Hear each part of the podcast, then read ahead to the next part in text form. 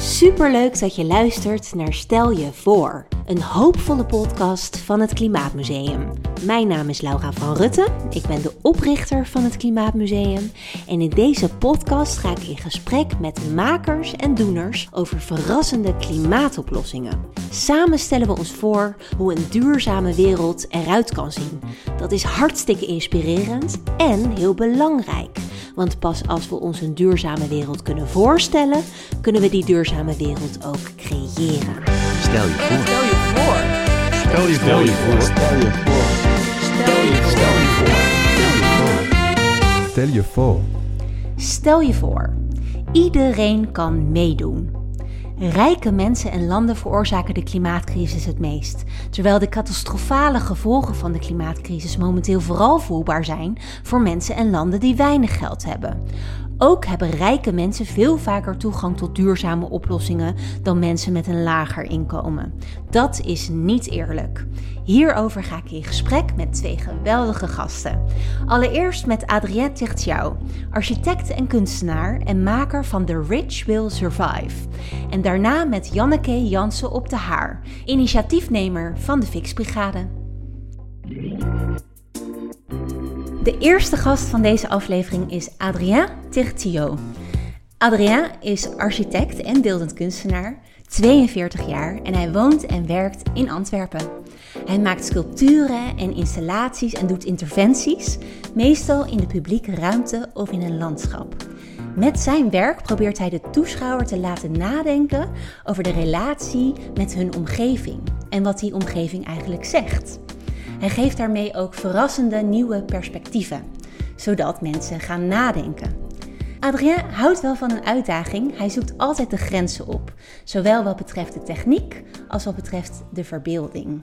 Welkom, Adrien. Heb ik het zo goed uitgelegd? Mm, Ja, heel goed. Ja, heel erg leuk dat je te gast bent. Eh, we zijn nu bij jou in de, in de woonkamer in eh, Antwerpen. Hier beneden is jouw atelier, daar hebben we net ook gekeken. Ehm, voor de luisteraars, um, Adrien was een beetje eh, bezorgd over zijn taal. Nederlands is namelijk niet zijn moedertaal, dat is Frans. Maar ik heb er alle vertrouwen in, hij spreekt hartstikke goed Nederlands. Goed, we gaan het hebben over jouw fantastische werk The Rich Will Survive. Oftewel, de rijken zullen overleven. Toen ik het voor het eerst zag, was ik echt overdonderd. Uh, allereerst vanwege de enorme grootte, maar zeker ook vanwege de schoonheid, de gelaagde symboliek en de vlijmscherpe boodschap. Voordat we verder gaan uh, ingaan op die boodschap, uh, laten we het eerst even beschrijven. Wat is het? Wat zien we? Dus we zien een, een grote piramide in Zalk, dat is een kleine dorp bij Zwolle, langs de IJssel. En de piramide ligt in de uiterwaarden, waar, uh, waar uh, en kan in theorie onder water komen uh, als, als de klimaat warmer wordt in de toekomst. En ik heb deze vorm gekozen, de piramide, omdat ze, ze weerspiegelt de, de verdeling van middelen in, in het wereld gewoon, zo, zoals we het kennen. Dus de piramide is, is in laag gebouwd en de, de materialen die beneden zijn in de piramide zijn hout en oude paletten, dan betonblokken, arme materialen. En uh, hoe hoger je komt in de piramide, hoe, hoe rijker de materialen. So de, de spits is messing, lijkt zoals goud. En, en, dan heb je marmer. En, en voilà, het, het, in de landschap was het eigenlijk interessant zo'n piramide te zien, omdat in, Bon, Nederland heeft een heel open landschap, zoals met, met grote, grote hemels, omdat alles vlak is. En, en dan een piramide, zoals we dat in de woestijn kennen, uh, heeft dat daar zijn plaats gevonden. En uh, ja, en de, en de, wat je de boodschap noemt, was, was ook redelijk simpel. Dat, dat als, als het water stijgt, zullen vooral arme landen en arme mensen daarvan lijden en, uh, en niet, niet eigenlijk de landen die, die, die de klimaatverandering veroorzaken. Zo, zo. Precies. Ja, dus het is een gigantische piramide, wat je zegt, heel indrukwekkend. Die verschillende lagen die, die laten zien eigenlijk ehm, hoe het eh, verdeeld is op de wereld qua middelen. Onderaan hout, goedkoop en heel veel mensen. En hoe meer je naar boven gaat, hoe, hoe duurder de, de materialen worden, eh, hoe minder mensen die materialen hebben. En onderaan is het natuurlijk heel aards en naar boven ga je eigenlijk naar de hemel. En dat verbeeldt allemaal eigenlijk de verdeling hoe het is uh, op de wereld. En wat je zegt, dat staat dus symbool voor uh, de klimaatverandering die ook als, als het water komt, dan zal dat als eerste de armen raken die dus onderaan die piramide zitten. Um, hoe ben je erop gekomen om dit werk te maken? Ik, ik pak altijd op, op uitnodiging, dus is in, in dit geval uh, nodigt me de, de IJsselbiennale uit om een werk te doen. In 2021 was dat? Ja, het was eigenlijk 2020, omdat de IJsselbiennale door corona een jaar um, ah, ja. postponed wordt. Uh, en dan, in dit geval, in deze biennale is er een uh, grote thematiek. En dan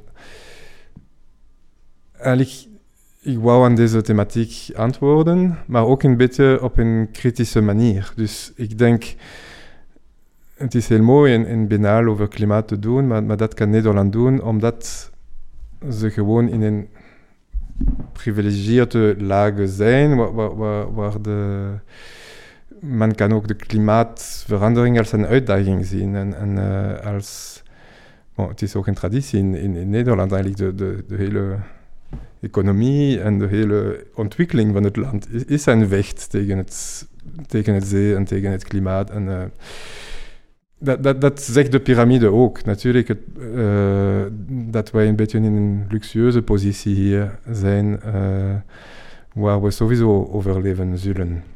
Ja, en maak je jezelf daar ook zorgen over? Over het klimaat? Of, uh... En dat wij in een geprivilegeerde positie zitten ten opzichte van andere landen en hoe we daarmee omgaan? Ja, natuurlijk. Bon, het, is, het is sowieso een tijd nu waar, waar het is heel moeilijk in de toekomst optimist te zien. Maar als je denkt dat het niet alleen een klimaatcatastrofe van ons, voor ons is, maar dat door de onfaire verdeling van middelen oorlog en, en migratieproblemen en, en dat, dat, is alles daarmee verbonden. So, dus, uh, dus natuurlijk, het water zal komen, we zullen de voeten in het water zijn, maar, maar het is ook zo dat we... Dat, Wij redden dat, ons wel. Ja, en dat, dat Europa een investing zal zijn waar, waar in plaats van alle samenwerken en uh, de probleem samen te pakken, zullen sommige landen ja, zijn iedereen een beetje... Iedereen voor zich. Voor zich gaan, ja. ja. De, de, de, de, idee is mij gekomen als ik gelezen heb dat eigenlijk superrijke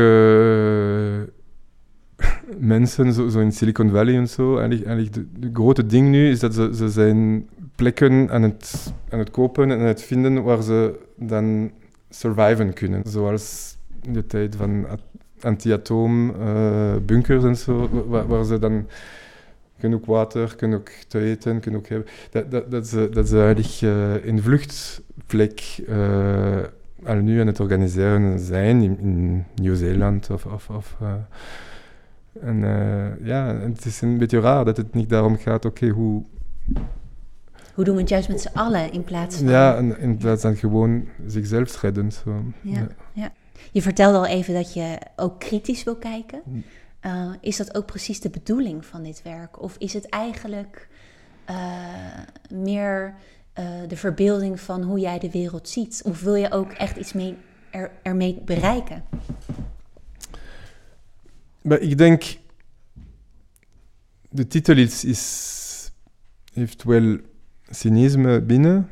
The rich will survive. Je kan het natuurlijk heel pragmatisch zien en, en zeggen: oké, okay, dat is zo. En, maar bon, natuurlijk, ik denk, uh, we kunnen niet de klimaatproblemen apart denken van, uh, van het systeem waarin we leven, van kapitalismus. En, en ik ben niet anticapitalistisch, maar ik denk we moeten kijken binnen, binnen dit systeem of, of met andere systemen. De, de manier hoe alles verdeeld wordt, eh, heeft wel uh, een grote invloed of, uh, op de pro problematiek die, die hier aangesproken was. Ja. En hoe gaat zoiets? Want je krijgt dan de opdracht of de uitnodiging van de IJsselbiennale. Um, hoe ga je dan te werk? Oh, ik. Uh, dus ik denk misschien ook omdat ik als architect opgeleid ben. Uh, mijn manier te werken is heel sterk in antwoord op de opdracht. Dus, dus als ik opdrachten voor tentoonstellingen of, of voor kunstintegraties of zo heb, meestal maak ik verschillende voorstellen. Zo, zo drie, drie ideeën die ik heb. Die, die, ik heb de plek gezien, ik heb die, die voorgesteld is, ik, heb, ik, weet het thema. Ik, bon, en, dan, en dan stel ik aan de curator twee, drie ideeën voor. En, dan, en dan we zien samen wat, wat, wat het meest maakbaar is en, en wat het interessantste is. En hier is het redelijk snel op de piramide gekomen. Oké, maar je had dus eerder ook nog andere ideeën ingediend. Ja, ja. Niet zo sterk geweest. Dit was duidelijk de beste. ja. En eh, dan heb je eh, bouwtekeningen of maak je dan eerst een maquette? Of hoe gaat dat? Ja, in dit geval, idee was heel simpel en heel flexibel. Omdat ik wou natuurlijk niet al de materialen kopen. In de manier de, de werk te doen was het belangrijk ook eh, circulair om te gaan. Dus de piramide is eigenlijk een steiger die we gehuurd hebben.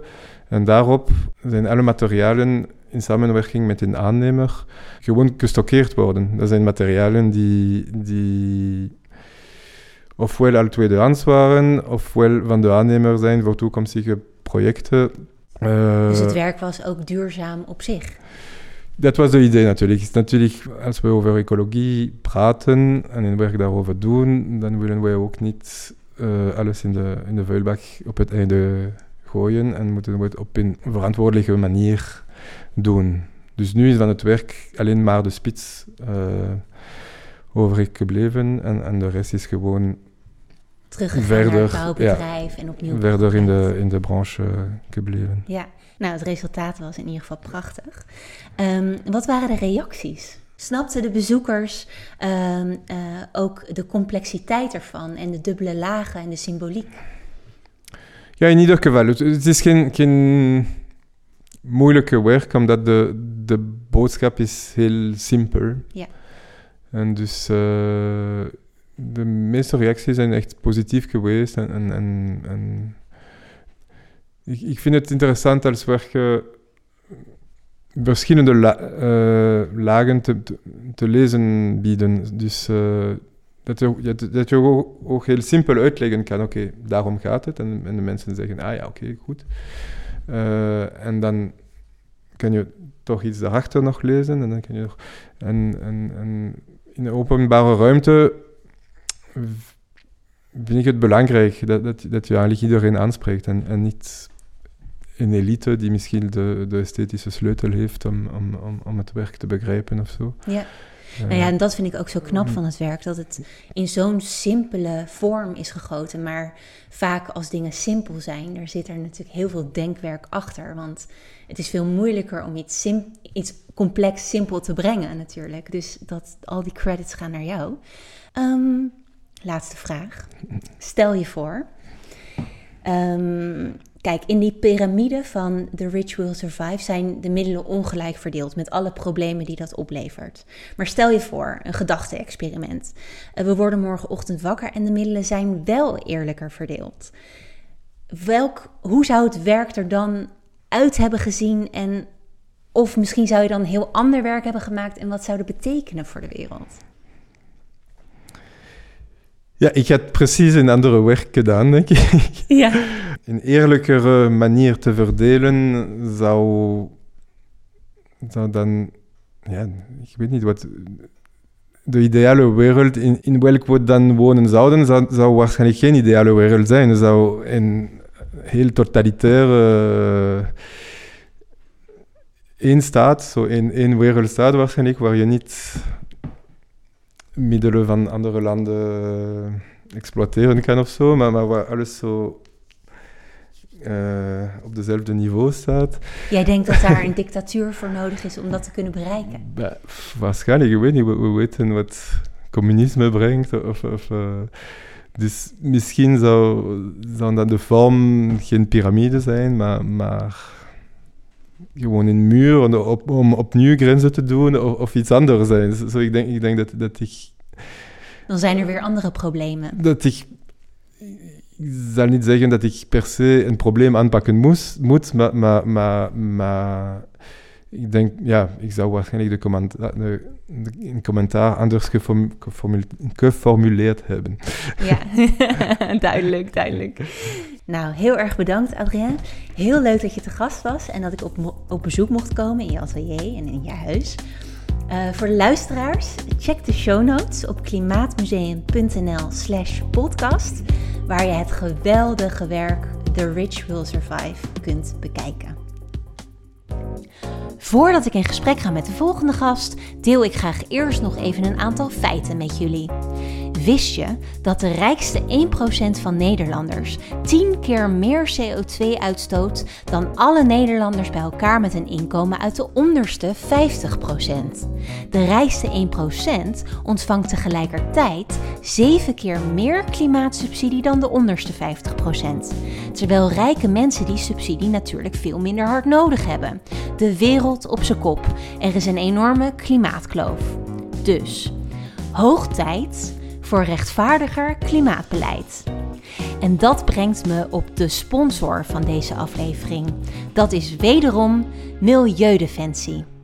Milieudefensie is een belangrijke klimaatorganisatie die klimaatrechtvaardigheid hoog op de agenda heeft staan. Die elke dag keihard werkt om ervoor te zorgen dat de sterkste schouders de zwaarste lasten gaan dragen. En de lusten en lasten ook eerlijker verdeeld worden. Zodat iedereen mee kan gaan doen in de energietransitie en de rijkste Nederlanders en groter vervuilende bedrijven hun verantwoordelijkheid gaan nemen. Want alleen dan kunnen we gevaarlijke klimaatverandering nog voorkomen. Dus Steun Milieudefensie en word lid op milieudefensie.nl. De volgende gast is Janneke Jansen op de Haar. Janneke is directeur en oprichter van Jungle Amsterdam, het centrum voor duurzaamheid in Amsterdam-Oost.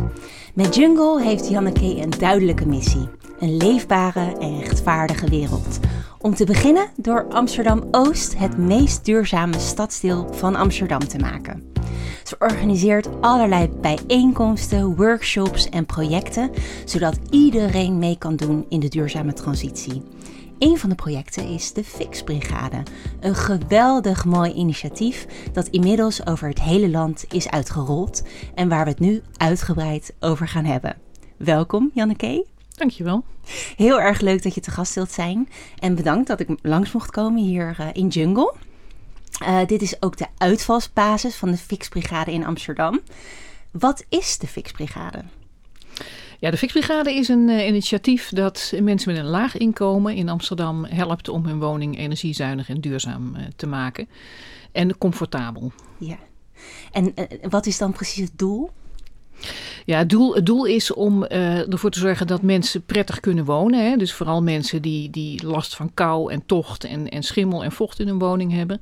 Om die woning te verbeteren, maar tegelijkertijd om te zorgen dat ze minder energie gaan verbruiken. En daarmee dus ook de energierekening omlaag krijgen. Dus het, het uh, heeft eigenlijk twee doelen in één. Ja, het heeft zelfs nog meer doelen. Het, uh, het heeft naar de bewoners toe inderdaad twee doelen die ik net noemde. Maar daarnaast is het ook nog een leertraject. Dus we leiden ook mensen op die uh, niet zo makkelijk aan de baan komen in Amsterdam. Tot uh, fixer en soms zelfs tot leermeester. En wie komt nou in aanmerking om zich aan te melden om hun huis te laten fixen? Nou, dat zijn alle Amsterdammers die minder verdienen dan 140% van het minimumloon. Dat is ongeveer 2700 euro bruto. En eh, er is ook nog een voorwaarde dat je in het stadsdeel Oost, Noord of Nieuw-West woont. Wij willen heel graag in alle stadsdelen aan de slag. En dat willen heel veel bewoners ook die ons benaderen. Maar helaas eh, werkt de gemeente wat dat betreft nog niet mee. En deze mensen krijgen dan een duurzaam huis en een lagere energierekening. Hoeveel bespaart het ongeveer per jaar? Nou, we, we- doen verschillende dingen. Dus we doen inderdaad, eh, we komen eerst een keer langs voor een energieadvies en om op te nemen wat er allemaal gedaan kan worden in de woning. Dat duurt ongeveer anderhalf uur, een uur, anderhalf uur. Dan komen we een dag terug om alle kleine energiebesparende maatregelen uit te voeren. Dus dat gaat met tochtstrips en, en eh, kaderprofielen en lampen en, en radiatorfolie en van alles. Eh, maar dan kunnen we ook nog een dag terugkomen om waterzijdig in te regelen van de cv-installatie. Dat Wat is bespaart dat? ook heel veel. Ja, dat is een, een methode waarbij je zorgt dat het warme water van de cv-ketel gelijkmatig over de radiatoren verdeeld wordt. Oké. En dat doe je door eh, ventielen die daarop zitten, ge- deels dicht te draaien in een bepaalde volgorde. Waardoor die ventielen staan normaal in de fabriek, worden die helemaal opengezet. En het gevolg daarvan is dat het warme water in een noodvaart door je systeem heen raast. En direct weer teruggaat naar de ketel. Dus die ketel die blijft maar pompen en die blijft maar warmen. eh, terwijl je heel weinig profijt van die warmte hebt. En dat kan veel geleidelijker. Precies, en daarmee eh, zorg je en dat alle radiatoren gelijkmatig warm worden. Hè. Vaak hebben mensen dan één radiator, die wil niet echt. Nou, dat, eh, dat lost dat probleem ook meteen op. En je gaat zomaar 15% minder gas verbruiken op je, op je stookkosten. Juist, want hoeveel bespaart dat dan? Nou, als je alles doet, dus je doet inderdaad die kleine maatregelen, je doet het waterzijdig inregelen. En eh, nou, er zijn nog een paar projecten eh, die we hebben, kozijnfolie bijvoorbeeld voor mensen met enkel glas. Maar dan kan je zomaar tot 30, 40 procent eh, op je energiekosten besparen. Wauw, oké. En waarom is dit zo hard nodig? Nou, dit is hard, heel hard nodig in Amsterdam, omdat wij decennia lang de woningen verwaarloosd hebben. Er is eigenlijk geen onderhoud gepleegd door woningeigenaren, komen wij achter. Eh, steeds maar met het verhaal als mensen klagen van ach, we komen over zoveel jaar renoveren. Nou, die renovatie wordt dan weer opgeschoven. Of ja, als jij over tien jaar pas een renovatie krijgt, zit je tien jaar lang in de kou. Maar eh, ja, er is dus eigenlijk niks aan gedaan. Dus we komen heel veel achterstallig onderhoud tegen. Dat is ook Zoals? Nou, bijvoorbeeld ramen en deuren die gewoon niet meer sluiten. Eh, rubbers die echt volstrekt vergaan zijn of helemaal verhard, waardoor het gewoon niets meer doet. En ehm, ja, dat is natuurlijk allemaal redelijk snel op te lossen en het scheelt gewoon ontzettend veel. Ja. En hoe werkt dit nou? Want eh, we hebben aan de ene kant de vraag, aan de andere kant de fixbrigade. Ehm, hoe worden die met elkaar in contact gebracht en hoe gaat zoiets te werk? Ja, nou dat kan op verschillende manieren. Eh, het is natuurlijk deels ook een kwetsbare doelgroep waar we mee werken. Dus mensen die heel moeilijk of de taal niet goed spreken, of de weg niet goed weten te vinden, of digitaal niet vaardig zijn. Dus heel veel aanbod wat er is vanuit de overheid georganiseerd, komt bij deze mensen eigenlijk nooit terecht. Het zijn ook vaak mensen waar je moeilijk achter de voordeur komt. Dus eh, ja, wat wij doen is aansluiten bij groepen en bijeenkomsten die er zijn in de buurt. Daar geven we voorlichting. Eh, dan horen mensen het één op één en dan kunnen ze zich ook meteen aanmelden. Eh, daarnaast werken we met sleutelfiguren, dus mensen die contact hebben met bepaalde doelgroepen in de buurt, die het verhaal eh, verspreiden. En nu we gewoon inmiddels heel veel mensen geholpen hebben, werkt het ook heel erg goed van mond tot mond reclame. Dus mensen die hun buren of hun kennissen of mensen in de straat informeren en die zich dan ook weer aanmelden. Ja, want Jungle eh, werkt ook heel erg vraaggericht. Ja. Hoe is dit ooit zo ontstaan? Nou, inderdaad, wij, wij werken eigenlijk altijd vraaggestuurd. Ehm, en dit project is ook op diezelfde wijze ontstaan. Wij eh, hadden een, een spreekuur, dat hebben we nog steeds, elke vrijdag. Daar kan iedereen terecht met vragen over eh, duurzaamheid. En daar kwamen eigenlijk, eh, en ook bij andere activiteiten zoals Vrouwenochtend die we hebben, kwamen eigenlijk heel veel klachten binnen over mensen die problemen met hun woning hadden. En problemen waar ze met de huisbaas niet uitkwamen, maar mensen die gewoon constant in de kou zitten, die ziek worden van, van schimmel of van narigheid in hun woning. En eh, toen hadden we zoiets van, nou, samen met Francis, Francis Langendijk was eh, vrijwilliger hier eh, in de techniek. En ehm, nou, toen zijn we op een gegeven moment op het plan gekomen, laten we eens infraroodmetingen gaan doen. Dan kunnen we zien wat er nou eigenlijk aan de hand is met die woningen. Want met die infraroodstraling kan je zien waar het koud of warm is. Ja, In de precies. muur. Ja, dat is een warmtebeeldcamera. Dus dan kan je middels rood en, en blauw, wat hij aangeeft op de foto, zien waar de, de kou binnenkomt of waar de warmte het huis verlaat.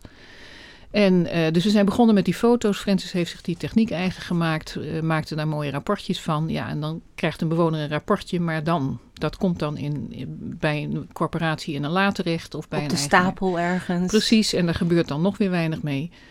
Eh, dus de volgende stap was eigenlijk dat Francis tegen me zei van ja, maar eigenlijk alles wat ik constateer aan die woningen kan ik ook zelf opknappen. Ja. Dus nou ja, dat, eh, toen was de stap snel gezet. Dus En hij, toen zijn eh, jullie in het klein begonnen en ja, dat is precies. inmiddels uitgegroeid tot een Ja, enorm groot Hij project. is begonnen met zijn eigen fiets, met een krat voorop en een, een gereedschapskist erin. En dan als een soort van Lancelot met eh kaderprofielen aan zijn frame van zijn fiets gebonden, eh, ging hij op pad. Ja. En inmiddels is dat uitgegroeid tot eh, zo'n 40 eh, fixers die Zo. we hebben rondlopen. Met een leertraject en verschillende leermeesters. En eh, in drie stadsdelen, dus in Amsterdam. Ja, en dit begon allemaal nog voor de energiecrisis. Dus Ja, het is zeker. alleen nog maar erger geworden en Ja. de nood is aan de man. Ja.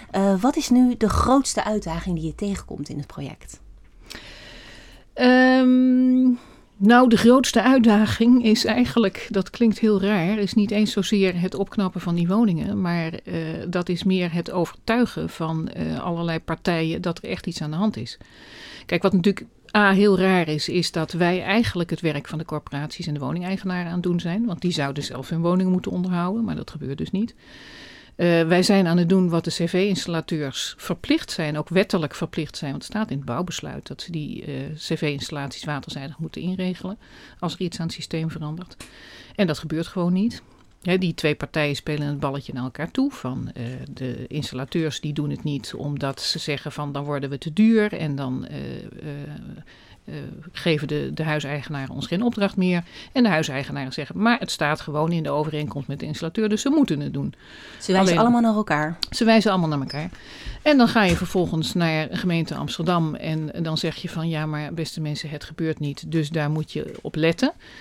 En eh, vervolgens eh, gebeurt dat dan dus ook niet.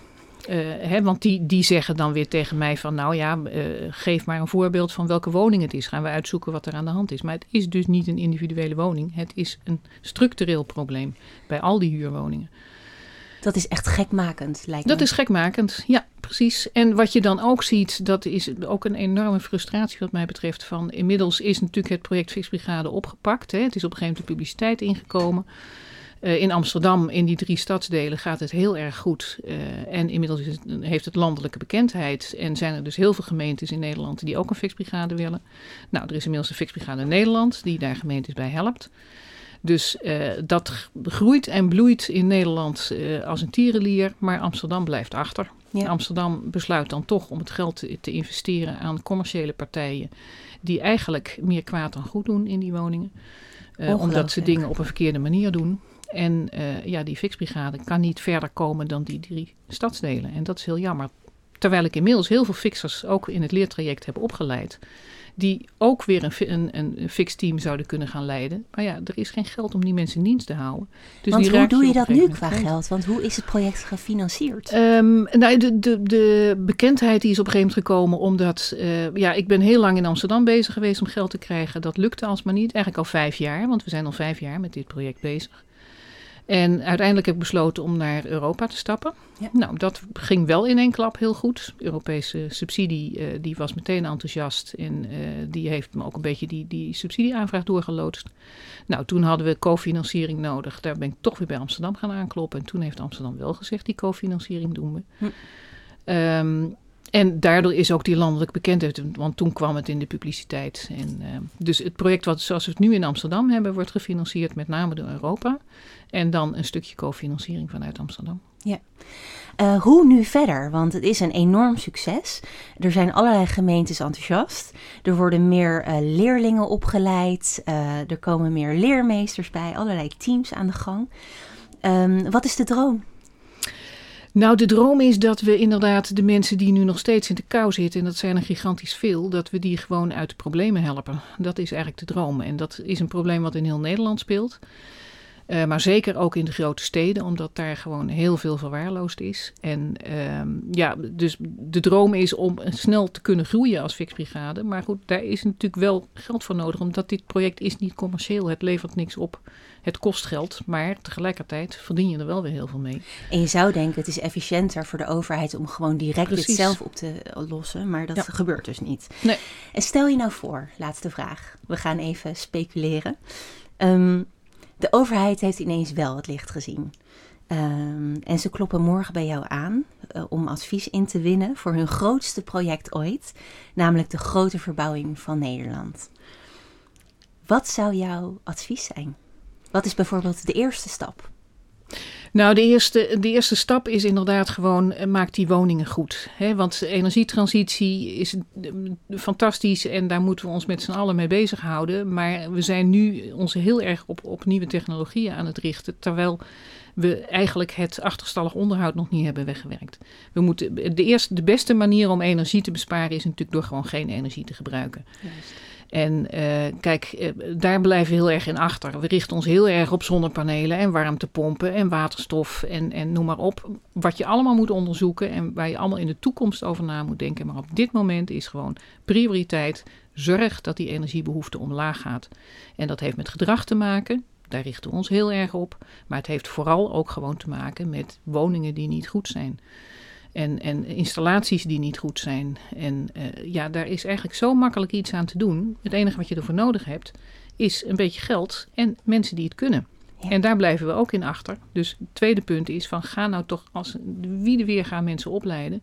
En dat is dan misschien niet in het huidige systeem.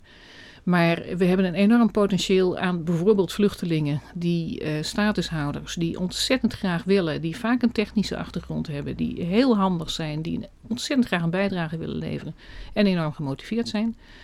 En uh, ja, geef die mensen de kans om iets te doen. Dat verdient zich ook weer razendsnel terug. Ja, de oplossingen zijn voorhanden. Het Zeker. gaat er nu om dat we ervoor kiezen. Precies. Heel erg bedankt voor dit gesprek, Janneke. Ja, jij ook. Heel erg inspirerend en heel fijn dat er mensen zoals jij zijn die zich zo hard inzetten voor een duurzamere en eerlijkere wereld. Dankjewel.